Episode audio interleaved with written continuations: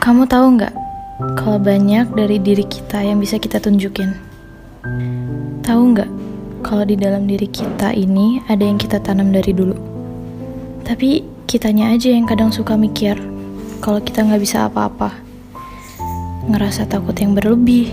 Dan yang paling nggak bisa diterima adalah membandingkan diri kita dengan orang lain.